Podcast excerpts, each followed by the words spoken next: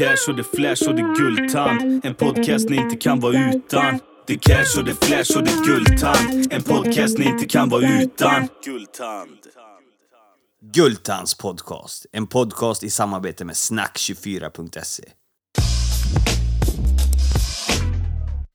Ja, välkomna tillbaka. Idag är det dags igen och vi tar ett litet snyggt bryt här i podden från porren och kriminaliteten och går in i djurens värld så att säga. Vi ska göra ett avsnitt med Mattias Sjöström som är veterinär. Eh, det är ett gammalt avsnitt som jag har haft lagrat här och velat släppa vid rätt tillfälle. För det är något jag brinner för så är det djur och deras hälsa. Jag tycker det är ett eh, intressant och stort ämne. Så idag ska vi få lite utbildning i hur det är och eh, hur man ska hantera sina husdjur på ett korrekt sätt för att de ska leva länge och må bra. Eh, och det tycker jag är viktigt att vi i Sverige vet om. Så just därför har jag gjort det här avsnittet. Så snart ska vi släppa in min polare Mattias Sjöström här eh, och han har tagit hand om mina djur under åren. Så att eh, ja, det blir ett eh, kul avsnitt, ett varmt avsnitt när vi redan känner varandra. För övrigt så har jag precis kommit hem från Göteborg och vi har firat min frus födelsedag där. Det har varit helt fantastiskt. Jag vill tacka alla som kom och hälsa och köta lite, slängde lite skit i baren på Upper House och er vi träffade på Melody Club och eh, Bulldog Kitchen, eh, personalen där och ägarna. Fruktansvärt trevligt och bra mat på Bulldog Kitchen. Jag tycker ni ska prova det, verkligen. Sen så är det väl inte så mycket mer att ni ska förbeställa den här boken vi snackar om, Det lilla landet som ångrar sig. Det är ju ett kapitel om Gultans podcast med. Den boken finns att beställa nu och jag tror faktiskt att den redan har tryckts och är klares.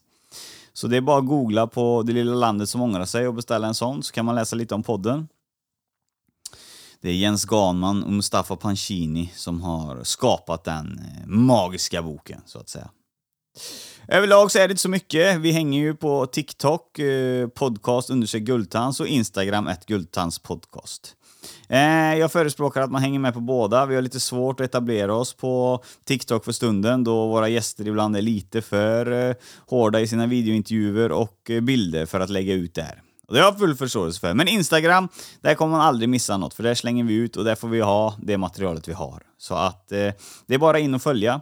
Sen så är det viktigt det vi har pratat om innan, och likea och dela och köta om podden och sprida den. Den växer enormt redan, men den kan växa mer.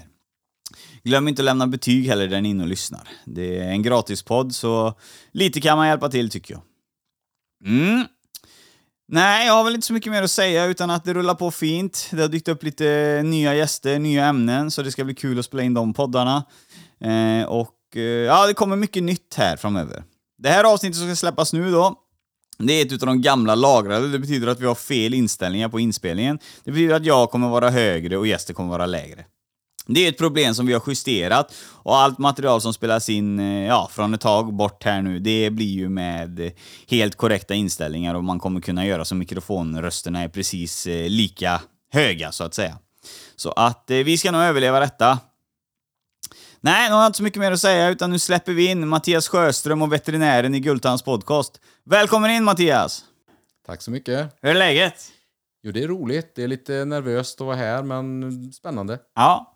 Eh, och anledningen till att du är här, det är, det är inte så jävla konstigt. Det är att du är veterinär och eh, för några månader sedan så eh, tog jag bort min livslånga vän eh, Larsson som du har haft hand om, min katt.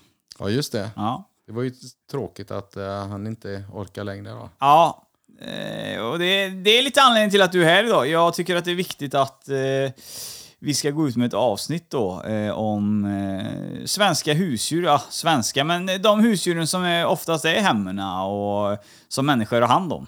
Ja, just det. Just det. Vilka husdjur tänker du på då i första hand? Nej, jag tänker ju på hund, katt, eh, häst, eh, kaniner och allt sånt där som är lite vanligt. eh, Så, som jag tror, eh, efter vad jag fick lära mig nu, så har, har det mycket att göra med vad de äter och såna grejer, hur du skämmer bort dem, vad som är skadligt och sånt eh, för djuren. Ja, det är ju viktigt att ha viss insyn i det, hur djuren är till för att leva, så att säga. Ja. Viktigt att man vet lite om instruktionsboken, även om man inte har läst den från perm till perm, så att säga. Nej. Och det, det är ju det som, eh, som sagt som vi ska gå igenom. Men vi ska börja med att presentera dig. Du, du heter alltså Mattias Sjöström och du är veterinär och du driver vilken... Eh, eh, Fir Firman som jag har heter Häst och smådjursveterinären i Vänersborg. Lite långdraget namn sådär, men det är så när man ska ha registrerat sitt namn på Skattemyndigheten så blir det så.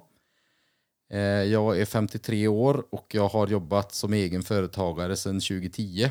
Ja. Mm. Det var så fan, ja, 2010. Fan, jag var nog, jag var nog hos dig med han eh, i, när du var rätt nystartad. Ja, ganska mycket i början där ja. ja. Ja. Någonstans där kanske 2012 eller något sånt där. Eller jag drar till med. Jag har inte tittat i journalen faktiskt om Nej, det. men det är lite intressant för att eh, vi tyckte redan på den tiden att du var väl bemötande och eh, det var ett väldigt eh, trevligt besök. Plus att eh, smidigt för djuret. Jag, jag vill minnas att jag var hos dig. Jo, det var vid klippning. Det gick inte att klippa han eller raka han, utan du fick hjälpa mig med det. det gick, han vägrade liksom. Så var det, just det. Så var det. Han fick ha lite lugnande då. Ja, för mig. Ja. lite lugnande. Och eh, det är också en resa i sig med djur. Fan när han piggnar till för han är lugnande. Alltså vad han pissar och grejer. Alltså det, var- det var ingen liksom... eh, Det är bra grejer. ja, det är det. Bra grejer från våran synpunkt kanske, inte från deras. Nej, nej, nej, så är det ju. Men ja. Nej, vi ska börja med det. Veterinär. Eh, hur blir man det? Ja, Man läser på hög universitetet i Uppsala. Det är enda stället som finns i Sverige. Eh, En hel del veterinärer nu för tiden läser också i Danmark eller i Polen eller Ungern eller något sånt. Eh, många europeiska länder de har ett annorlunda intagningssystem än vi. Och då kan man eh, anmäla sig och så betalar man terminsavgiften och så klarar man sina tentor och då är man med i matchen. Ja.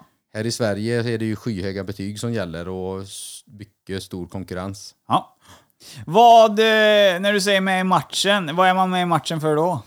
Ja, det är ju som så här att när man läser på ett universitet då ska man ju ha godkänt på sina kurser. Eh, och eh, ofta så har de så kallade stopptentor då. Proven man gör, de heter ju tentamina eller tenta som man säger.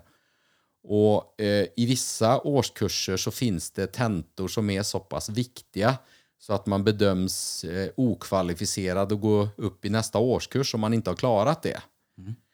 Säger att till exempel då att eh, tentan i patologi man gjorde som vi gjorde i trean då, den var en stopptenta. Men medan tentan i fiskpatologi på en halv vecka, den var inte en stopptenta. Nej, okej. Den kunde man ju läsa om på sommarlovet eller inför nästa termin då. Ja. Så det var det som jag menar med i, match, med i matchen då, att man, man, man blir liksom direktutslagen där om man inte klarar sig. Vad, när man eh, läser så här då, det, lå- det låter ju som veterinär är allmän linje, men eh, får man alla djur med på köpet sen att man kan bota och greja med alla djur eller? Nej, man, man är väl... eh, Nu, nu har jag, ju- måste jag ju reservera mig för det var ju, jag gick ju ut 95-96. Så att mina kunskaper om veterinärlinjen är ju väldigt daterade nu, måste jag ju säga. Men när jag läste, och vad jag förstår hittills, och det har jag hört på sådana som har läst, det är ju det att man, man börjar ju med anatomi för de vanliga djurslagen. Häst, hund, katt, eh, ko kanske då. Eh, och sen så gör man jämförande anatomi. Man, man, alltså en, en ko och en häst är ju ganska likt i muskulaturen till exempel. Och så lär man sig skillnader. Och så går man igenom det på det viset. Och sen läser man då hur kroppen fungerar och hur olika djur fungerar olika i kroppen. Till exempel ämnesomsättning och magar och sånt.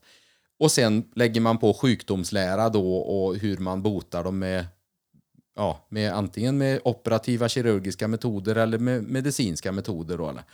Och då får man ju också läsa rent allmänt. Sen det, finns det ju ofta specialkurser då om man till exempel vill bli bra på ormar eller fåglar eller något sånt. Men det är oftast sånt som, som man mm, läser på och jobbar med extra efter man har tagit sin examen. Så att man går specialkurser och så i det sen. Efteråt. Ja. Och nu är du ju med i Gultans podcast, det är ju inte Sahlgrenska podden, så att eh, vi frågar direkt, anomati, vad fan är det för någonting nu då? Anomati, Ja. det har jag faktiskt aldrig hört Ja, ordet. vad fan var, sa du inte det precis, anomati, eller vad var det du sa? Man, Anatomi. anatomi? Anatomi, Ja. ja, ja, ja. Anatomi. Det är läran om, om, om kroppen helt enkelt. Hur Jaha. kroppen ser ut. Eh, var musklerna sitter och, och var levern sitter och var ögonen sitter och sånt där. Ja, då fattar jag. Det är Ja. därför du liknade djuren med... Va, ja. Om du tänker dig geografi, Ja. det är ju hur kartorna ser ut, hur världen ser Ja. ut och anatomi är hur kroppen ser ut. Så skulle man kunna säga det. Så lite... Vilka, vilka eh, djurgrupper kan du anomati på? Eh, ja, jag eh, är, har ju hållit på mest med häst och hund och katt. Det är väl de jag tycker att jag är bäst på, om man säger så. Men jag är, har ingen specialistutbildning. Det kan man ju ha som veterinär, precis som en sjuksköterska eller en läkare har specialistutbildningar. Läkare de måste ju ha en specialistutbildning för att jobba eh, i slutändan, men medan veterinärer kan, är det mera valfritt. Det gör man ofta på ett smådjurssjukhus till exempel, så blir man eh, expert i hunden och kattens sjukdomar till exempel. Och så vill man gå vidare, då blir man steg två specialist heter det då. Det första heter steg ett. När man blir steg två, då kanske man då går in på hundens ögonsjukdomar eller kattens leversjukdomar då, eller något sånt där. Det, är, det är inte säkert att det här är rätt eh, terminologi riktigt, men det är ungefär så. är det. Ja, tyvärr kan jag inte rätta det, men... Eh, ja, men eh, du säger häst, hund och katt i dina specialområden. Ja, det är de jag är intresserad av och det är de jag har jobbat tillräckligt mycket med för att och, och, och våga uttala mig om, om man säger så. Ja, okej. Sen har vi, vi har en hel del kaniner på, på mottagningen också. Har Ja. vi. Eh, vi har haft en del fåglar, för det har jag haft själv, men det är enklare grejer som kloklippning och ja, parasiter och sånt. Ja, på okej. dem då. Så det är det du kan få in på fåglar då? Ja, De vi har haft en del höns också faktiskt. Ja. Ja, det, Vad vill de ha hjälp med? Eh, En ville ha hjälp att ha ett öga bortopererat för att den hade en tumör bakom ögat. Men eh, eh, den tumören satt så djupt så att det, vi fick avliva hönan tyvärr. Det gick inte att få bort den. Eh, och eh, sen har det varit hönor som har haft eh, problem med äggledarinflammation, underligt nog. Och hur fan ens tas det upp? Eller hur vet man? Det där är en sån grej som att höns, alla, alla som har, föder upp höns, de vet att det är vanligt med äggledarinflammation. Och då kan man få det och då blir det liksom stopp i äggfabriken, kan man säga. ja, det kommer inga ägg. Nej, och då blir det en inflammation där bak i och då kan, då kan det bli jättejobbigt. Ja, ja, men eh, är det en inflammation som man ser då, eller? De kan ha, de kan ha flytningar ungefär som en, en hund eller en katt har livmoderinflammation. Ja. Kan de ha. Ehm, och sen så är det no, någon, var, varit någon som har haft eh, höns som de har ringt och frågat om en hönsbesättning som har kanske diarré eller har, har löss eller så. Men vi har valt att inte åka ut på, på hönsbesättningar för det, det, det räknas som livsmedelsproducerande djur och det gäller lite specialregler kring rapportering om mediciner och sånt där. Ja, okej. Ja. Men du ser ju, det är ändå så... Det är det här jag söker. Kolla här, alltså det är rätt vanligt med folk som har hönor. Ja. Men det är inte så jävla vanligt att de vet om det vi pratar om precis nu. Tänk, tänk om det inte kommer några ägg här nu hos grannhuset, här, deras hönor. Då tänker inte de mer på det, tänker nej det, det är för kallt ute, det är inte bra med det. Men djuren kan ju vara sjuka så att de behöver hjälp. Det är ju det som är grejen. Ja, det är väl lite så som det är med alla djur, tänker jag. För att eh, Man tänker väl att alla människor kan väl ha en katt, till exempel. Men problemet är ju att de flesta, eller vad man ska säga, inte alla människor vet vad en katt är till för att äta och inte äta. Eh, att katter kan få tandproblem, att katter kan bli för tjocka för att katter de gör precis som vi, att om de är hungriga och har för mycket mat och för lite att röra, röra sig runt liksom, så, så blir de tjocka när, när jag blev färdig veterinär så fanns det en allmän uppfattning om att alla katter måste ha obegränsat med mat stående framme hemma. Gärna på flera ställen för att katter de sköter det där själv. Och det som man vet nu idag det är ju det att många katter blir tjocka. En del får diabetes av att de är tjocka. En del får tarmproblem. De får ont i magen, diarréer, pälsproblem, klåda, allt möjligt som då kan hänvisas till en sån enkel grej som att de kanske äter på fel sätt eller äter fel mat. Eller att mormor är där och passar dem på helgerna och ger dem allt möjligt som de inte mår bra av. Ja, eh, och det är lite det jag söker. Det är ju hur man ska ta hand om djuren som sagt. Och det är det här du berättar nu. Så att eh, eh, kost på djur, det är väldigt viktigt va? Ja, det är ju precis som på oss människor att det är ju en väldigt, väldigt stor del av vad vi är. Det är ju vad vi äter. Eh, och, och äter man lugnt och sansat och tuggar väl och inte äter jättemycket och jättefort så brukar magen fungera bäst av det. Det finns ju vissa undantag då som till exempel en häst som ska äta nästan jämt. Den mår ju dåligt om vi ställer in den i ett stall och ger den mat ger den 4-5 kilo hö två gånger om dagen och så vräker den i sig det på en halvtimme och står och inte har något att äta under tiden, då mår inte den hästens mage bra. Nej. För att den har en sån mage som är konstruerad för att hästen ska gå och äta kanske 15, 17, 18 timmar om dagen. Ja. Så då får den magsår, eller kan få magsår, för att den får för liten konstant tillförsel av mat. Medan då en, en, en, en katt eller en hund, den har lite större chans att variera sitt födos, födointag. Då. Men har du en katt som eh, är tjock eller har lös avföring eller fiser illa eller kliar sig eller har mycket tandsten eller så, då kan man ju börja med att se över maten och hur katten äter och vad den äter. För att om du har ordning på det så kan du ju få ordning på väldigt mycket saker som kanske inte, det kanske inte är ett medicinskt problem. Det kanske inte är en sjukdom eller en cancer eller någon meta, sån här ämnesomsättningssjukdom utan det kanske är helt enkelt bara för katten eller hunden äter på fel sätt.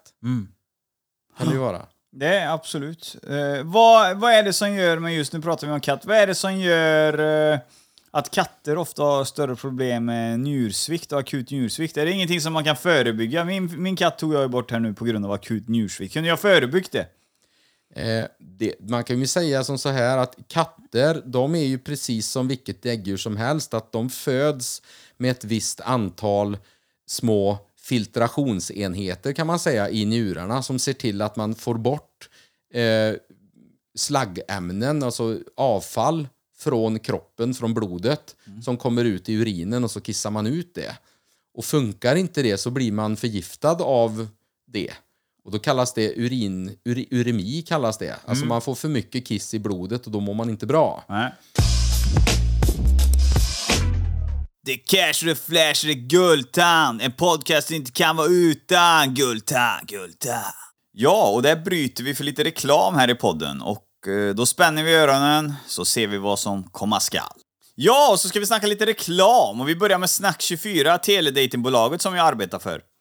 Det är ett kalas, kanonkoncept helt enkelt. Det är inte bara för att jag jobbar där, utan det är faktiskt smart alltså. Man ringer in på linjen och lämnar in sin prestation till exempel. Tjena, jag heter Kalle, jag är singel, jag bor i Uddevalla, jag gillar eh, Eh, äldre kvinnor som bakar goda bullar. Och så trycker man spara. Så rullar det runt på servern där inne samtidigt man är online. Och så helt plötsligt så hör Hulda det uppe i Bengtsfors att fan, han gillar ju bullar, det gör jag med. Då klickar hon ah, “Jag vill prata med honom” och då får hon upp alternativ. Vill hon skicka meddelande eller vill hon prata live? Och då väljer hon själv där. Och till slut så har vi en match då. Då eh, kan man prata med varandra och boka upp en dejt eller hur man vill göra. Så att det är helt klart värt att prova eh, om man har fastnat i de här tråkiga jävla datingapparna. Man bara kollar på en bild och trycker like. Det är, det är ju piss. Eh, jag kan själv tycka det efter att ha intervjuat mycket folk så lär man sig mycket av en person när man pratar med den. Man får en uppfattning mycket lättare av personen än att titta på en bild. Eh, jag har ju tittat på mycket- bilder under min poddkarriär och det är liksom, ah fan vilken bra, ah, det här kommer bli svinbra, så blir det skitdåligt sen. Så att nej, det funkar skitbra på Snack24. Och det som är det bästa av allt, det är ju det att tjejer är ju lite blyga. Eh, så vi har lagt in en funktion där att tjejer ringer in gratis så att ni kan prata i lugn och ro och prova på och såna här grejer så att eh, ni blir varma i kläderna helt enkelt. Så helt klart, sitter du där hemma ensam och inte har någon att eh, gosa med eller dela med dig av dagen, så ring inte Snack24 så kanske du har det om ett tag framöver. Om ni vill ha mer information om detta så går ni in på www.snack24.se. Nu ska vi snacka lite om Private Line, xxxprivateline.se. Så är inte adressen, utan det är bara privateline.se. Jag vill bara hetta till det lite där. Där kan du ringa in om du vill eh, förverkliga dina drömmar med telefonsex. Eh, och Eh, det är ju många som vill det faktiskt. Det är väldigt eh, populärt. Och många utav de tjejerna som har varit med i podden, de är faktiskt inne på de linjerna, så man kan prata direkt med dem då och eh, så. Så slipper man ju skriva till mig om man får tag på dem, utan då kan ni ringa in till Private Line så eh, är de där inne och svävar runt. Så det är bara att koppla sig fram till den prestationen du tycker är intressant och så vips så har du ett direktsamtal. Och för mer information om detta så är det som gäller www.privateline.se alltså. Ja, och här var reklamen färdig för den här gången och jag lovar er, det kommer inget mer i det här avsnittet i alla fall. Nu kickar vi vidare! Eh, och man föds alltså med ett visst antal sådana här små njurenheter som för övrigt heter nefroner. Eh, men de, de, de slits och de försvinner lite varje år, helt naturligt. Och det bildas inga nya. Mm. Och det, man kan säga att det ser ut ungefär som, alltså en stor gräsmatta med en massa vattenspridare på. Mm. Eh, och om man har ett visst tryck in på blodkärlet som går in till njurarna då och sen korkar man igen 4, 5, 10, 15, 20 vattenspridare, då blir trycket högre på de andra. Ja. ja. Och samma blir det på katten. Om det då försvinner kanske 10% av de här njurenheterna, då, då blir trycket högre på de andra. Mm. Och de är extremt tryckkänsliga, de här. Själva njurskadan i sig gör att man får högre blodtryck också. Mm. Plus då att det blir färre njurenheter att dela trycket på. Ja. Så då får man högre tryck. Och ju högre tryck, desto fler njurenheter försvinner. Ja. Alltså man accelererar avdöendet av de här små njurenheterna då. Och då får man till slut så få så att njuren kan man säga går in i väggen. Och den procentsatsen har jag inte klar för mig i huvudet riktigt men när man når då den gränsen när njuren inte orkar rena blodet från tillräckligt mycket av kisset kan man säga då. Då stiger ju urinhalten eller halten av kreatinin och urea i blodet. Och det mäter man för övrigt på kliniken. Och även ett ämne som heter fosfat. Det är sånt som vi har i gödning i trädgården bland annat. Ja. Eh, när de stiger så mår stora delar av kroppen illa. Eh, kan du tänka dig vilka delar av kroppen som mår illa på det? Har du någon idé? Uh, ja, fan. Uh, jag måste tänka nu. Uh, men jag tror syn och hörsel och såna här grejer. Ja, kanske inte primärt. Det är nog längre fram senare när man börjar bli uttorkad sen. Ja. För att när njurarna inte fungerar så kan de... De, de failar alltså med att både få bort kisset ur blodet, ja. men de, de misslyckas också med att behålla vattnet i kroppen. Så att man blir uttorkad och då kan ögonen bli lite insjunkna. Ja. En katt den ska ju ha ögonen så att den sticker ut lite grann. Ja. Så att det är nästan som ett sånt där fisheye-objektiv som eh, fotograferna har, så man får lite runtomsikt. Ja. Men när katten blir rejält uttorkad då sjunker ögonen in och då får, får katten faktiskt ett lite försämrat synfält runt om. Så lite rätt hade du där. Eh, men framför allt så mår ehm, eh, magen illa, magslemhinnan mår illa. Ja. Eh, och det kan eh, göra att man får eh, magsår, man får eh, absorptionsproblem, man får diarréer. Mm. Munslemhinnan mår dåligt. Det kan bli så att man blir torr i munnen, att man får felaktigt pH, man får mycket tandsten och tandproblem. Mm. man kan också, det läcker också en massa proteiner ut genom njuren när den drar ut, när den förlorar vätska. Och då, ja. då, då förlorar man muskelprotein kan man säga. Eh, inte direkt muskelprotein, men man förlorar protein som ska vara i blodet och så ersätts det man bryter ner musklerna då. Ja. Så man blir dålig i magen, man kan få dålig päls också, man kan få dåliga tänder, man kan få tunna verkande muskler och en massa andra problem kan man få ja. utav att man har njurproblem. Det du säger då till de som lyssnar nu som ska kolla på sin egna katt, eh, då är det det här man ska hålla koll på, pälsen och... Eh, ja, det är ju som så här att de här grejerna de kommer tyvärr upp ganska sent i processen. Så att man har tittat lite grann på i forskningen på, nu är det inte jätteaktuell forskning som jag refererar till här, men det, alltså om man ska veta att katten föds med två normalstora fullt fungerande njurar, mm. då, då ska man nästan ta ett blodprov på katten redan när den är sex månader eller mm. ett år. Och även ett ultraljud då. För då är man ju säker på vad man har från utgångsvärde. Mm. För det kan ju vara som så här att de flesta katter de får inga njurproblem alls tills de är tio år.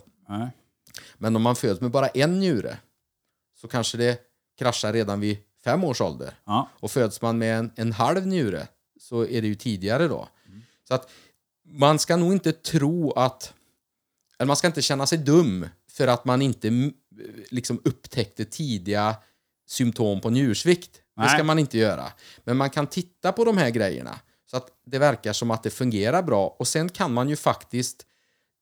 I vissa fall så kan man uh, skaffa en sand till, till lådan som inte absorberar kisset. Och så kan man samla upp kisset och så kan man doppa en sån där urinsticka i. Som man har på vårdcentralen. Och då kan man se om kisset ser något som är bra ut. Ah. Om det är blod, om det är protein, om det är vita blodkroppar i till exempel. Ja. Och har man, får man upp fin urin som inte är någon förorening i, då kan man ta det i ett rör som man kan gå till veterinären och hämta ett rent rör. För då blir det inte liksom om du tar en gurkburk hemma till exempel och sköljer ur den lite så kan det komma med ättika och massa grejer i så att det förstör ditt urinprov. Det, det fattar Ja. jag. Ja. Och då kan du lämna in det till veterinären. Du får ringa först då så att veterinären är där och att de är okej med det här. Men då kan man titta på den där urinen. Man kan ta med en sån sticka och man kan ta... Det finns ett instrument som heter refraktometer. Det mäter alltså en vätskas specifika vikt. Alltså hur, man kan säga, det är inte riktigt hur tjock vätskan är, men ungefär.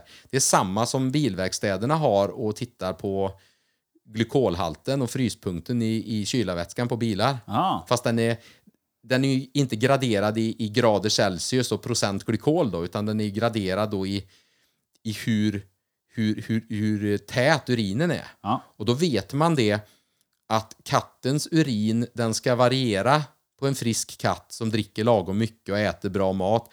Den ska då variera mellan olika intervall.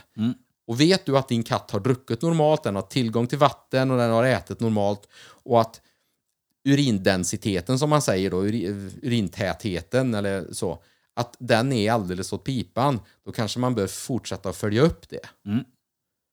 Och vi veterinärer, vi kan ju ta ett prov direkt från urinblåsan. Om, om urinblåsan är tredjedels full eller halvfull, då kan man lätt med en nål direkt genom buken, då känner man urinblåsan. Den känns som en, en clementin eller någonting där inne. Och så kan man spruta lite sprit på, på, ehm, på huden då och så sticker man en nål rakt in och så suger man ut lite urin och då får man ju ren urin där. Ja. Och då kan man titta där och se om, om det ser bra ut. Ja. Så det, det är ju ett bra test för att se att det ser bra ut. Sen kan man ju ta blodprov också om man vill vara, vara riktigt säker på att njurarna fungerar. Gör man sin katt en eh, björntjänst när man låter den äta lasagne och kebab och pizza och såna grejer? Alltså sånt som eh, den vill ha liksom. Ja, det gör man nog. Om man då ska analysera det lite grann så är det ju det att katter de är ju känsliga för salt.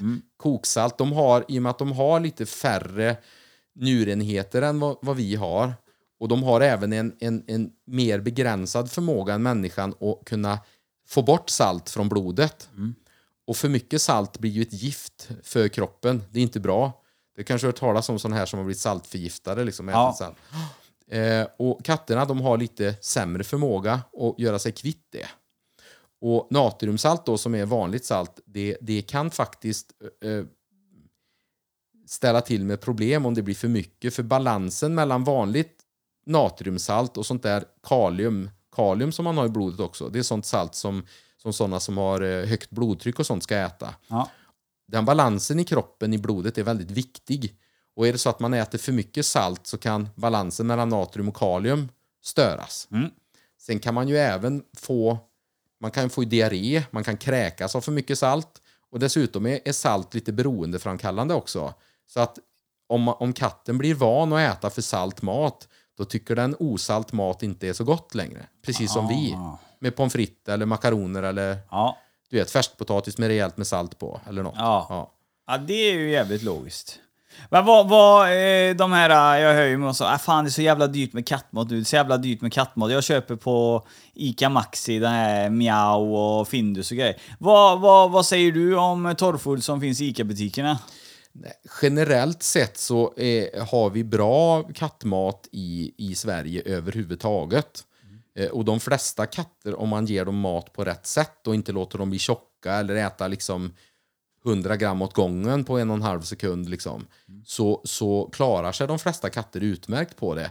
Eh, faktiskt. Eh, Sen är det väl då kanske några procent eller 10 procent eller jag vet inte, jag kan inte exakt. Men det finns alltid några katter som inte som, som har lite speciella behov så att säga.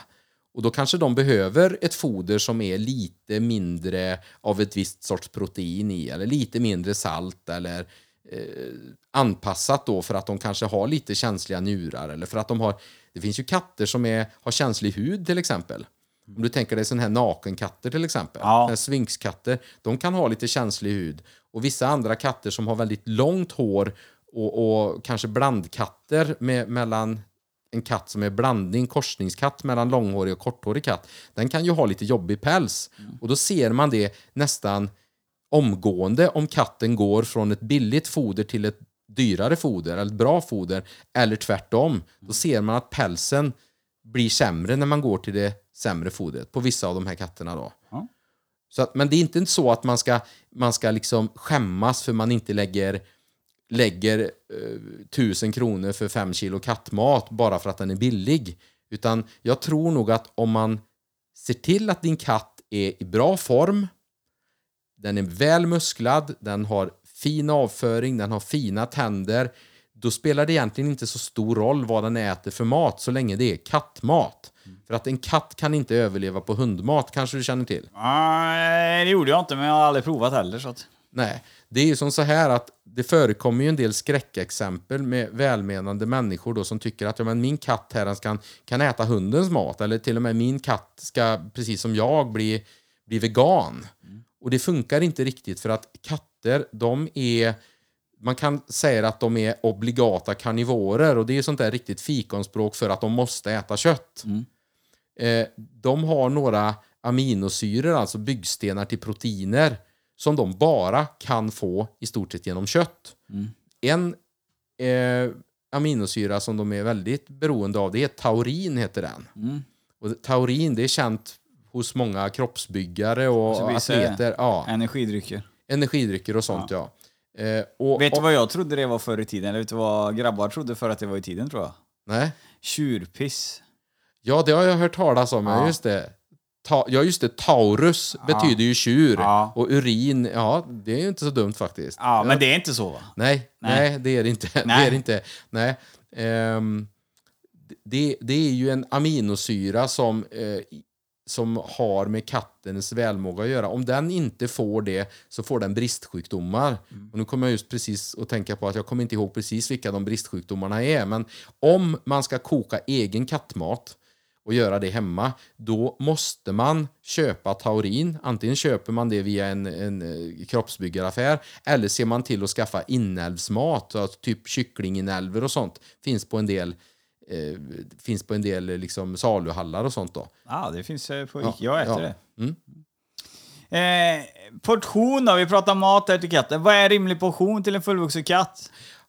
Jag tycker det att man ska ta och titta på en, leta upp på nätet en, eh, en bild på en katt eh, där man gör en genomlysning på den, där, där man har liksom ritat dit lungor och hjärta och sånt där. Och så tittar ni och ser hur liten egentligen magsäcken är. Det går inte i speciellt mycket i den, för en katt är till för att en katt är till för att, in, att ha sitt skafferi ute i skogen, brukar jag säga Ja. i fågelboet eller i råttboet eller var nu han kan hitta det. Och katten vill jaga sin mat, den vill döda den och den vill ha den färsk, rykande färsk. Om till exempel en kråka kommer och skrämmer bort katten när han just har dödat en råtta och katten kommer dit efter kanske en halvtimme, då, de flesta katter vill inte äta den då. Nej. De vill ha den färsk. Ja. Eh, så att, nu tappar jag tråden nu lite, får du påminna mig om var vi var någonstans. Nej, vi var på eh, normalportion för Ja, eh, kattdjur. Ja, och då är det som så här att om man tänker sig kattens mage ungefär som en golfboll, beroende på, på vad, vad du har för storlek på katt då, men en golfboll är en ganska stor katt faktiskt. Och om man tänker sig att man utgår från det som står på påsen, Eh, titta på påsen och så står det 4 till 6 kilo katt och så står det kanske, nu hittar jag på här bara för det är olika på olika påsar. Så står det då kanske, det står mellan eh, 45 till 75 gram. Då skulle jag börjat någonstans mitt i där. Eh, och sen skulle jag delat det på sex portioner. Ja. Eh, det är lite kanske kontroversiellt att säga sex portioner, men jag tycker att det är en bra bra genväg till. För att hade katten varit ute och ätit så hade den kanske ätit tio portioner. Ja. Men eftersom vi inte kan utfodra katten naturligt med möss och fåglar inne så får vi ta det näst bästa. Och då tar vi fabrikstillverkat kattfoder. Som smarta personer i vita rockar och datorprogram har räknat ut vad det ska vara. Och de har även teststationer. De har sådana här katthotell där, där de provar maten på katterna. Både smaklighet och vad de får för värden och effekter av det. Eh, och då tänker vi att vi går ut ifrån där då. Vi, då drar vi till med att din 5 kilos katt här nu då, vi, vi hittar på att vi vill ge honom 60 gram. Eh, och då delar vi det på 6 och då blir det 10 gram. Sen så kan det variera givetvis, men det viktiga är att din katt äter det ganska sakta och att han tuggar det och inte sväljer det helt.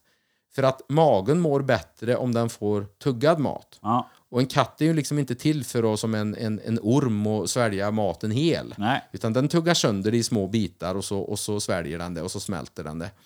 Och om du ger katten mat på det viset och han äter upp sina 10, vi säger 12 gram kanske någonstans, då om han äter upp det på 30 sekunder bara glufs, glufs, glufs, då kommer han ju vara vrålhungrig efter det. Ja. Men då kan du testa att skaffa en sån här skål som har piggar i botten. Så han måste krafsa ut en eller två åt gången. Och då ofta så sätter kattens jaktinstinkt igång. Ah, den flyr. Jag tar den. Jag fångar den. Jag dödar den. Jag krossar den. Jag äter den. Då får du allt det där på en gång. För då har du gjort lite som det står i kattens instruktionsbok. För katten vill tugga sönder sin mat. Ja. Och då blir han mätt och nöjd. Skulle det ändå vara så efter 5-10 minuter att nej, du behöver, han är hungrig ändå, då kan du ge han en liten portion till. Ja. Om katten kräks kanske inom 10-60 minuter efter han har ätit, då har han i regel ätit för mycket eller för fort eller tuggat för dåligt eller alltihopa på en gång då. Ja. Ja. Det hade ju jag problem med min. Han spydde ju ofta efter han ätit. Och sen så tittar du i lådan. Det är ju värre då om man har en katt som bara går ute Ja. och, och, och, och bajsar och kissar i skogen och hos grannen. Ja. För då vet man ju inte hur bajset ser ut. Nej. Men låter lite äckligt, men bajset är ju faktiskt en, en, en guldgruva för att se hur din katt mår Ja. och hur din utfodring fungerar. Ja. För om, om du bara rent experimentellt sett skulle tänka dig att nu har mormor varit här hemma och passat katten och så har den gett han 40 gram och han är ju i himlen. Han tycker det att åh, jag får 40 gram i, i, i en sån här frukostskål skål och jag äter det på en och en halv minut och sen ligger jag och smälter maten som en nöjd boaorm sen. Ja. Så kommer du hem sen, för mormor har inte tömt kattlådan. Så ser du i kattlådan att där ligger det något som ser ut som eh, ja, det ser ut som brun yoghurt ungefär. Ja. Och så luktar det det luktar liksom Hultsfredsfestivalens bajamaja där inne. Ja. Och då vet du det att så här har han ju aldrig bajsat förut. Och då kan du misstänka att det har hänt någonting när mormor har varit hemma och passat katten. Ja. Och då erkänner hon kanske efter tredje gradens förhör att jo, men han ser ju så tanig ut katten och han skrek ju efter mat så jag gav han en rejäl näve. Och inte i den där dumma skålen med piggar som du envisas. Nej. Så att, Nej, nej, nej, men det, det betyder ju alltså att eh, bajset då i kattlådan, det är ju ditt eh, resultat, hur det ligger till. yes, det förstod du direkt. Det är väldigt, väldigt bra för att eh, de flesta kanske ryggar tillbaka över det lite grann, att man ska röra där. Och jag menar inte att man ska liksom, behöver liksom särskåda det något noga, men du ser ganska fort om katten har druckit för dåligt.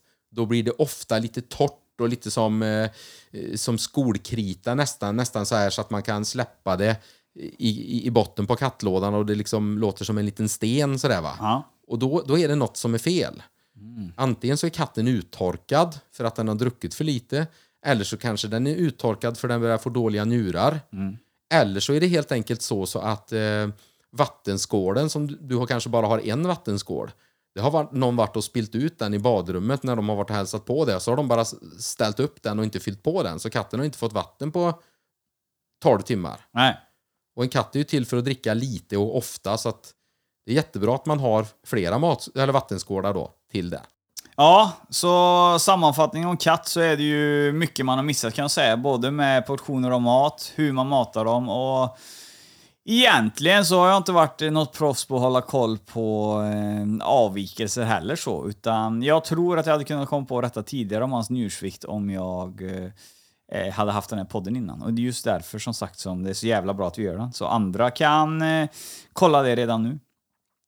Eh, jag tänker så här med katt eh, och eh, det vanligaste problemet som jag har fått till mig det är njursvikt och såna grejer. Kan du operera och byta njurar på en katt? Det finns säkert de som kan det, men vad jag vet så gör man inte det idag. Eh, och det beror ju på att eh, om man ska byta njure på en människa, då måste man gå man måste ha en tung medicinering livet ut med en massa eh, mediciner mot avstötning. Så att inte, och det är inte hållbart att göra på en katt. Eh, det går teoretiskt sett att göra det, eh, vad jag vet. Men, men jag vet inte hur väl en katt tar emot en, en ny njure och sådär. Men det är ingenting som är aktuellt i Sverige i alla fall att man gör. Nej. Det gör man inte. Ja, okej. Eh, hur många katter har du opererat? Och vad har du opererat katter för? Jag, jag har faktiskt inte räknat dem, men, men det är ganska många per år. Den vanligaste operationerna vi gör på katt, det är ju kastrera hankatter. Det vill säga att ta bort testiklarna då, så att de inte kan bli pappakatter och att de inte kissar och luktar, luktar kissegubbe över Så hela. var det, ja. Jajamän, det var därför. Kan du kastrera mig? Ja, om jag får.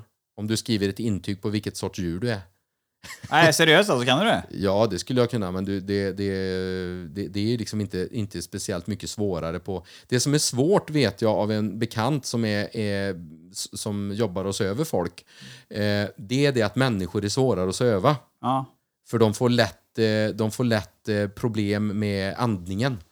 Ja. Det slår lock kan man säga i, i struphuvudet när man ska sätta ner den där tuben som man ska ge syre i. Ja. Och då, då blir det stopp och då, då kan man kvävas. Ja, för Så att- vi, vi, vi står i det här valet här hemma. Hon vill ju inte gå på några p-piller hemma. Eh, och jag är nöjd med den ligan jag har skaffat. Så jag, eh, kastrering eller vad heter det andra? sterilisering. Och det är egentligen då, med, om, om, om du och podden klarar av mer sådana här fikonspråksord. Eh, vasektomi säger man. Och vas betyder kärl. Och ektomi, det betyder att man kapar. Så då kapar man alltså kärlen till alltså sädesledarna. Så då har man testiklarna kvar och man är fortfarande man. Du slipper få pipig röst och stor mage och tunna muskler. Eh, men du kan inte, du får liksom inga spermier i det som kommer ut när du, när du älskar med din fru, om man säger så. Kommer inte ut någonting heller. Jo, det är ju det själva kommer grejen. ut allt det andra. Ja. Men spermierna är en sån väldigt liten del utav det som kommer ut, så det är ingen som kommer att märka någon skillnad. Nej, vad om, bra. du inte tar, om inte du eller frun direkt efter tar ett prov, slänger på det på mikroskopet och letar efter spermier. Där fick du tillbaka va?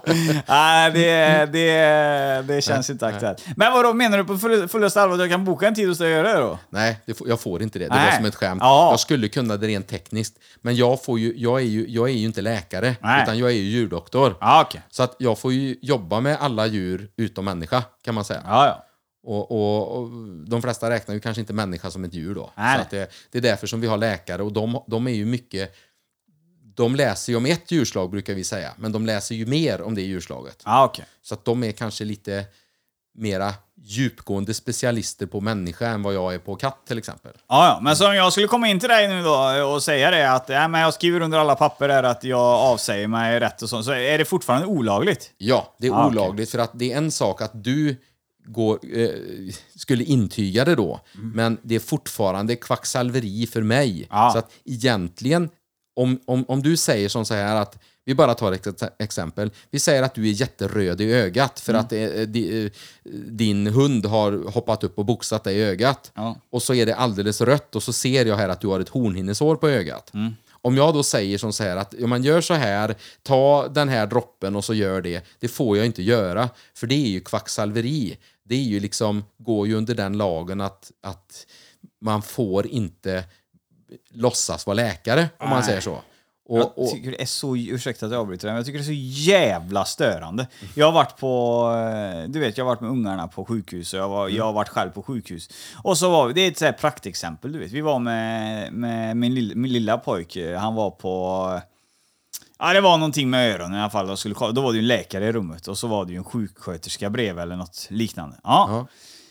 Så jag sätter mig vid ena maskinen och väntar och Sandra och han sitter där och de lyser i ögonen och tittar så här och så här grejer. Och jag vet att jag har en hörsel, eller att jag har en vaxpropp i örat som jag har lite svårt att få ut. Så jag frågar sköterskan, den här maskinen är ju ändå så ledig, kan du inte bara tända lampan och kolla in där du vet? Nej, jag vet inte hur den fungerar, säger hon då. Men va? Det är bara ångknapp där så lyser lampan så kan du titta, du vet. Och då säger läkaren, ja men hon får inte göra det. Ja men vad fan, jag sitter ju ändå så här, ni hjälper ju mer människor snabbare om hon... Ja, men det gick inte vet du. Men hon tog mig den läkaren då efter direkt och, och kollade. Och så uh, ryckte ur den då med en propp eh, så, görsnabbt. Men sjuksköterskan fick inte liksom tända lampa nej. på maskin. Nej, nej. nej, det, det, men det, vi, det är väldigt, väldigt eh, vattentäta skott mellan man får göra och inte göra. Ja. Och i, i, eh, i människovården så att säga så är det nog eh, ännu mer vattentäta skott där. Ja. Mellan, om Ja, man får okej. göra. Får jag säga två saker till om katt bara innan vi rundar av det? eller? Absolut, absolut. Man, det är bra att man tittar på vikten på sin katt och man lär sig bedöma skillnaden mellan kroppsvikt bara rent och fördelningen mellan fett och muskler. Så att man, man kan avgöra om katten med åldern, fast den håller vikten, har blivit tjockare eller muskeltunnare. Det är bra. Sen är det bra att lära känna sin katts päls, särskilt om man har en långhårskatt. Och skaffa ingen långhårskatt om du inte tycker om pälsvård. Nej. Gör inte det. Och sen lär din katt att titta i munnen så att du kan se om katten får tandsten. För det är väldigt, väldigt många katter som får problem med tänderna.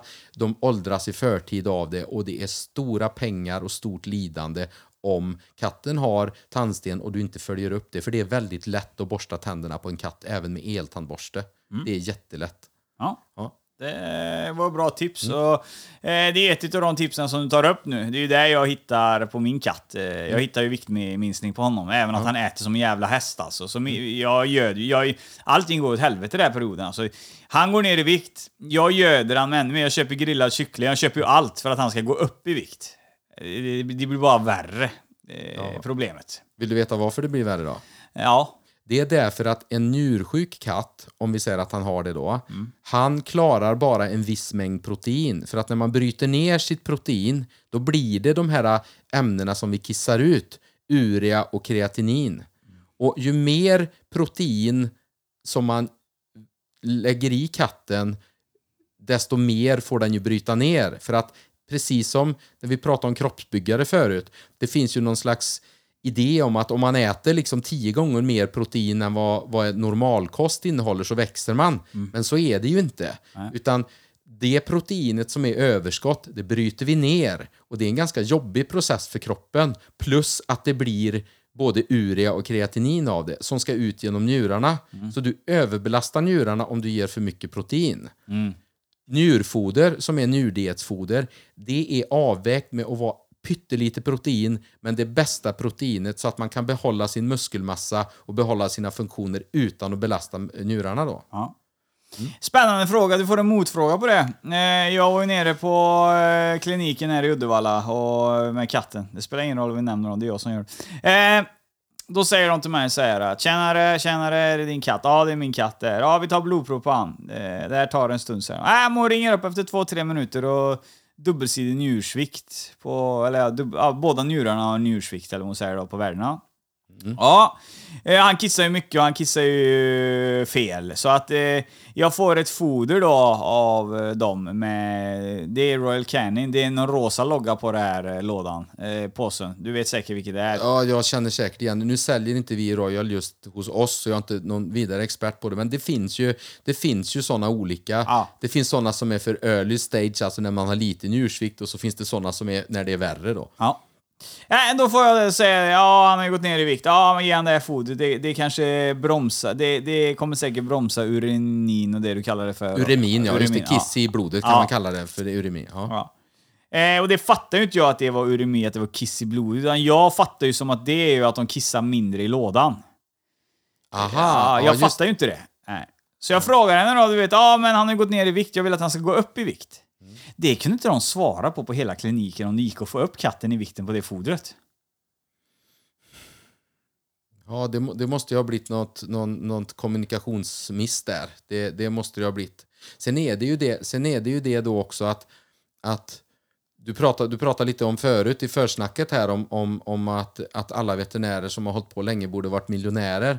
Men det, det är ju inte så. Och är det så att jobbar man då som, som jag gör då med, med, med lite färre patienter varje dag eh, och, och kanske lägger lite mer tid på varje människa, eh, då, får man ju, då får man ju lite färre patienter och man får lite mindre pengar. Men jag, jag i, i min verksamhet tycker nog att det är bra att man har mycket tid för lite rundsnack och att man ser på djurägaren om de förstår vad man menar eller inte och vet att man kan liksom överbrygga eventuella missförstånd. För att det här var ju rätt synd om, om hon trodde att du förstod att uremi betydde för mycket kiss i blodet så att säga och du trodde att det betydde att han kissade för, för mycket. mycket. För mycket Ja. ja. Och då är det ju som så här att att han kissade för mycket, det var ju som vi sa förut då, att det beror ju på att kroppen, njurarna, klarar inte av att ta tillbaka vattnet till kroppen utan det rinner nästan rakt igenom njurarna då. Ja. Och med det då när det flödar så mycket så blir det nettoresultatet att man, man förlorar vätska så man blir uttorkad, man förlorar salter så man mår dåligt av det och sen förlorar man i slutändan även proteiner då. Och då blir, alltså det finns massa proteiner i blodet som heter albumin som är där för att det ska kunna transporteras. Fetter till exempel, läkemedelsmedel transporteras med dem också ibland.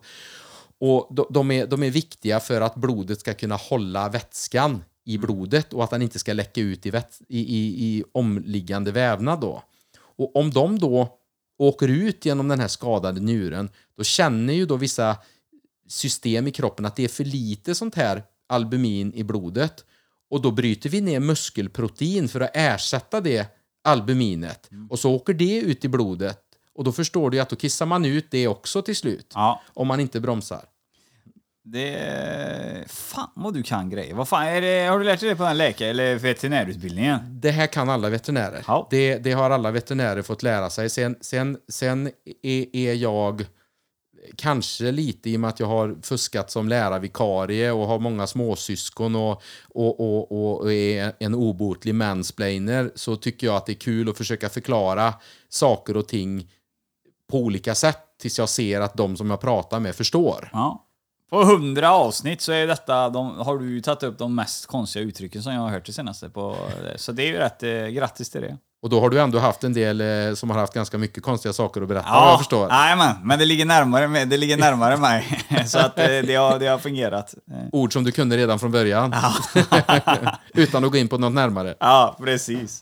Ja, nej, jag, vi har fått en jävla smak på katt och jag är jävligt glad för det, att vi har fått det. Och eh, ja, vi var ju där på eh, operation och sånt. Det, det var ju mest eh, kastreringen, bara skämta iväg det. det är kastreringar och... Är det någon annan så seriös operation nu? Alltså, någon, eh, alltså vi snackar eh, big stuff, eh, hjärtoperationen och sånt grejer. Nej, nej. Utan ska man operera ett hjärta på katt så får man ju stanna hjärtat och då får man ju ha någonting som, som, som eh, håller uppe cirkulationen under tiden. Så det är riktigt avancerat. Ja. Det är stora djursjukhus som, som gör det i så fall. Ja. Eh, vi kastrerar honkatter, eh, gör vi. Det heter kastration på honkatt också. Ja. Förr i tiden sa man ju sterilisering, men det, det, kastrera betyder ta bort könskörtlar. Ja. Eh, sen så vi, har vi gjort en del kejsarsnitt där man tar ut kattungar som inte har kunnat komma ut.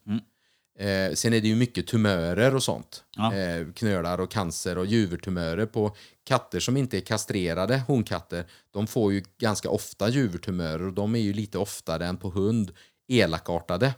Och särskilt om katten har fått p-piller så ökar risken för att man ska få det här då för att man, man, man, man, man skruvar till hormonbalansen i kroppen och hindrar löp och så vidare. Då ökar risken oftast för, för, för eh, juvertumörer.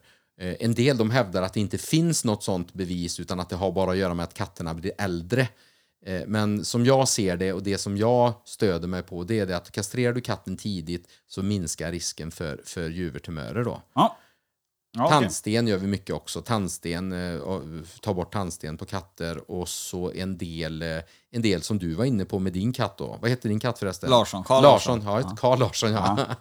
Efter konstnären. Jajamän. Ja, att det är en del katter som behöver en akut hjälp med, med tover och så. Ja.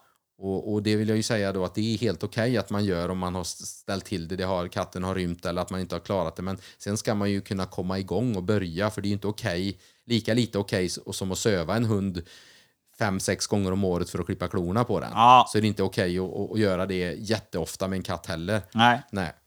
Och jag tror fan med, ja, min, han var ju inomhuskatt på den tiden när du hade han, men det var inte därför jag sökte, utan det var det... Jag läste ju någonstans att du ska klippa de här långhåriga katterna någon gång så att de får, eh, att det får växa ut. Men eh, stämmer det inte då eller?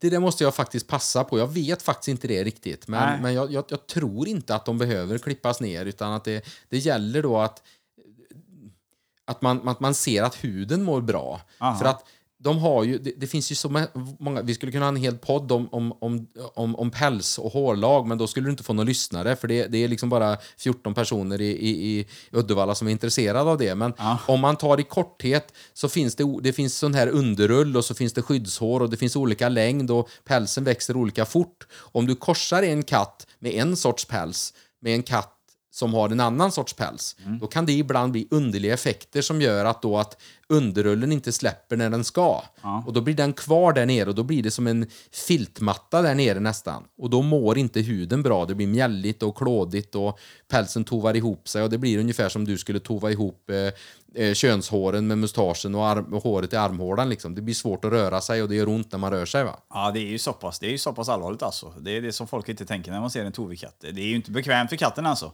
Nej, det är faktiskt inte det. Nej. Det är faktiskt inte det. Det är fan helt rätt. Det var en jävligt bra jämförelse. Kanske folk fattar det.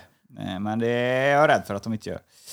Eh, ja, eh, sammanfattning på katt har vi nog fan med lärt oss allting tror jag. Eh, bara en fråga.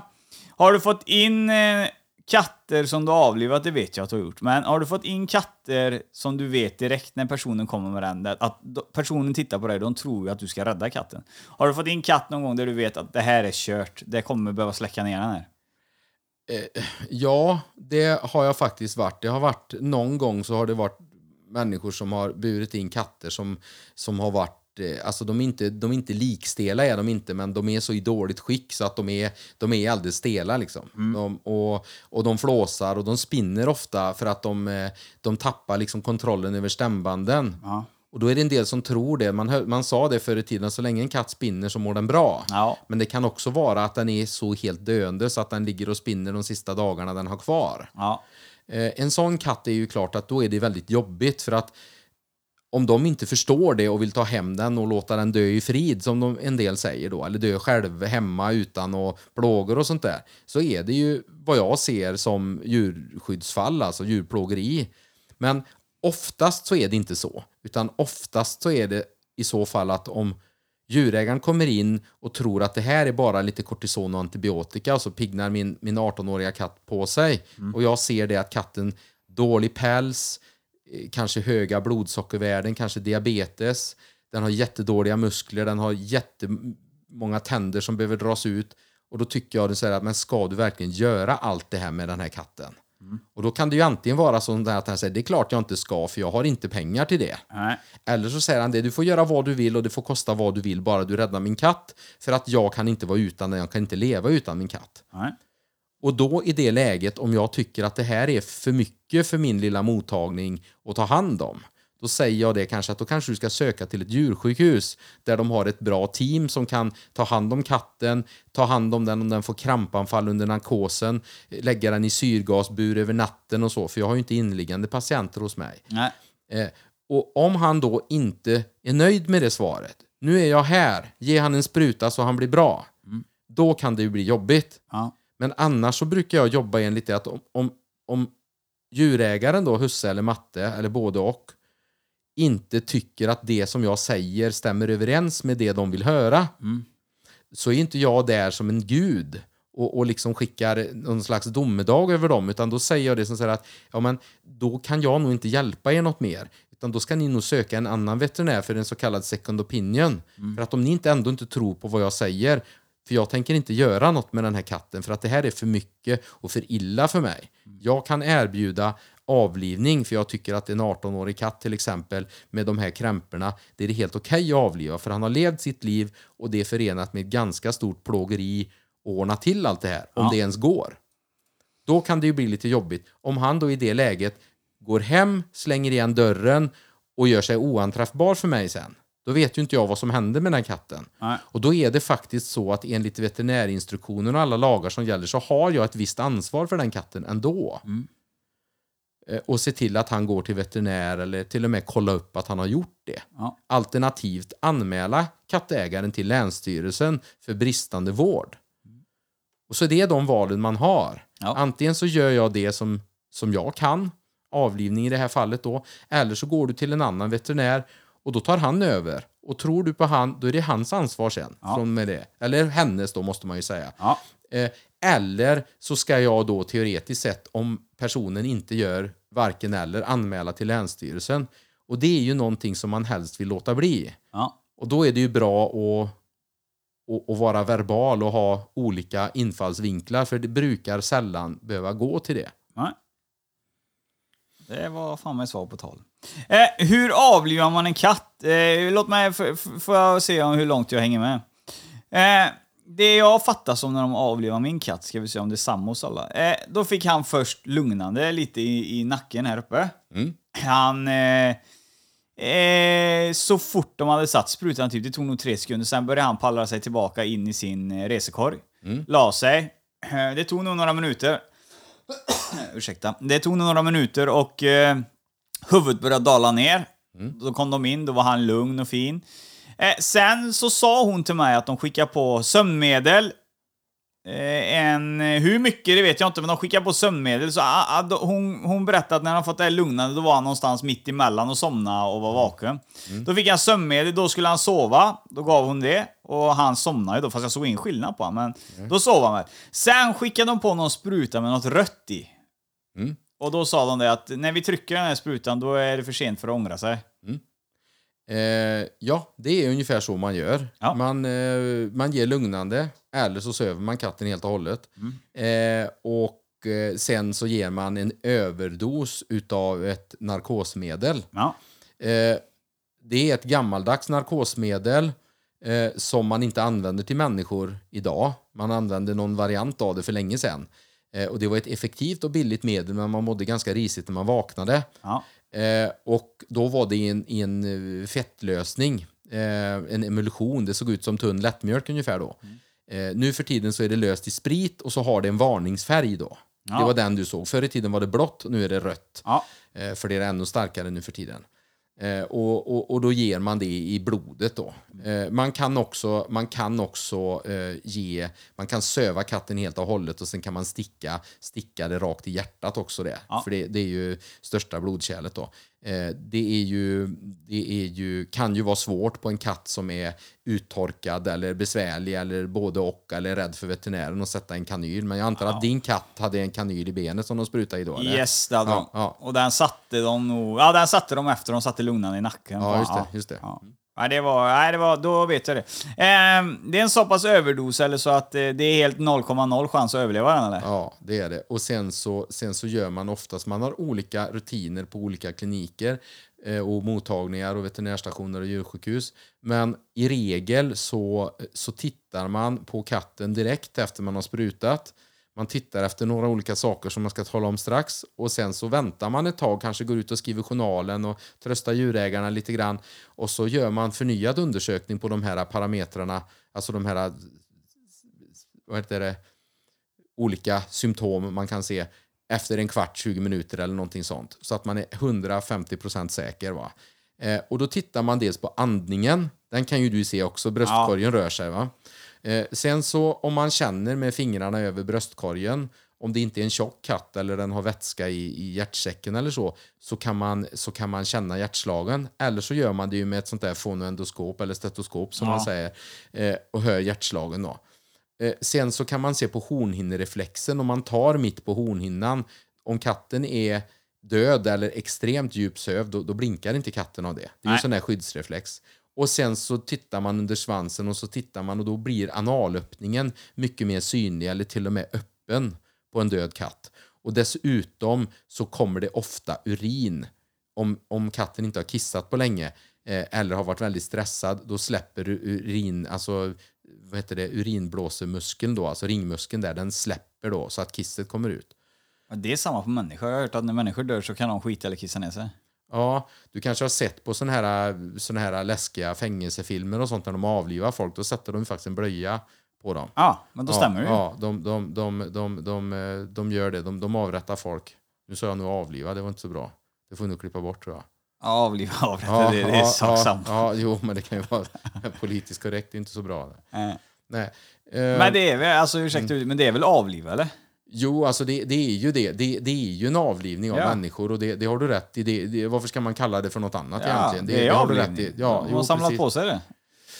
Ja, och jag menar de, de, är ju, de, är ju liksom, de är ju levande och man tar livet Ja. av dem. Så att, eh, sen, sen om, man, om, om man då kanske säger att det avrätta är liksom något finare, det vet jag inte. Men, Nej, ja. det, jag tycker fan med det låter hårdare. Avrättning än avlivning. Det är ju, alltså, vad fan, de får en grön spruta. Skitsamma. Det är nog inte så farligt. Du får bestämma själv om jag ska klippa bort det lite. Ja, eh, ja nej, vi har eh, bokstavligen talat stängt delen katt. Ja, och där bryter vi för del ett här med Mattias Sjöström och veterinären i Gultans podcast. Det tuffar på fint. Vi lär oss, eh, hoppas jag, om djuren och lyssnar. Jag tycker det är skönt med ett litet bryt från det här med porren och det kriminella och allt konstigt och så... Eller ja, konstigt och konstigt. Det är lite udda. Och så kör man ett sånt här veterinärsavsnitt. Det är ju därför Gultans podcast är bäst. Vi har en mix av allt. Det var en jävel som sa det i Göteborg, eh, att jag skulle marknadsföra mig med det uttrycket. Hur fan var det han sa? Eh, jo, jag skulle uttrycka mig att jag har allt ingen annan har eh, i avsnittsväg. Och eh, jag lägger ut allt ingen annan vågar lägga ut. Och lite så är det ju. Eh, jag var sent på bollen så jag var tvungen att gå på sådana avsnitt som jag visste inte hade lyft så mycket än. Och eh, det har ju visat sig vara framgångsrikt. Så att vi kommer ju fortsätta presentera det unika och det förbjudna enligt många. Ja, då var det färdigt. Eh, jag har inte så mycket mer att säga, utan vi syns på social media så länge. På TikTok, Instagram, Facebook, var du vill. Det är bara att skriva och tipsa om du har några förslag på gäster eller om du har några åsikter och sånt så kan vi snacka igenom det. Jag svarar i den mån jag kan. Eh, och så eh, vill jag passa på att tipsa dig att vi var på Stefan och Krister också i, i lördags eh, på Lisebergsteatern. Åsa-Nisse. Eh, och då var ju alla de här eh, old school-skådespelarna med. Fruktansvärt bra show alltså. Den tycker jag ni ska se om ni får möjlighet. Ja, nog om det. Ha det bäst från Alice Gultan. Tjena! Gultans podcast. En podcast i samarbete med snack24.se. Guldtand.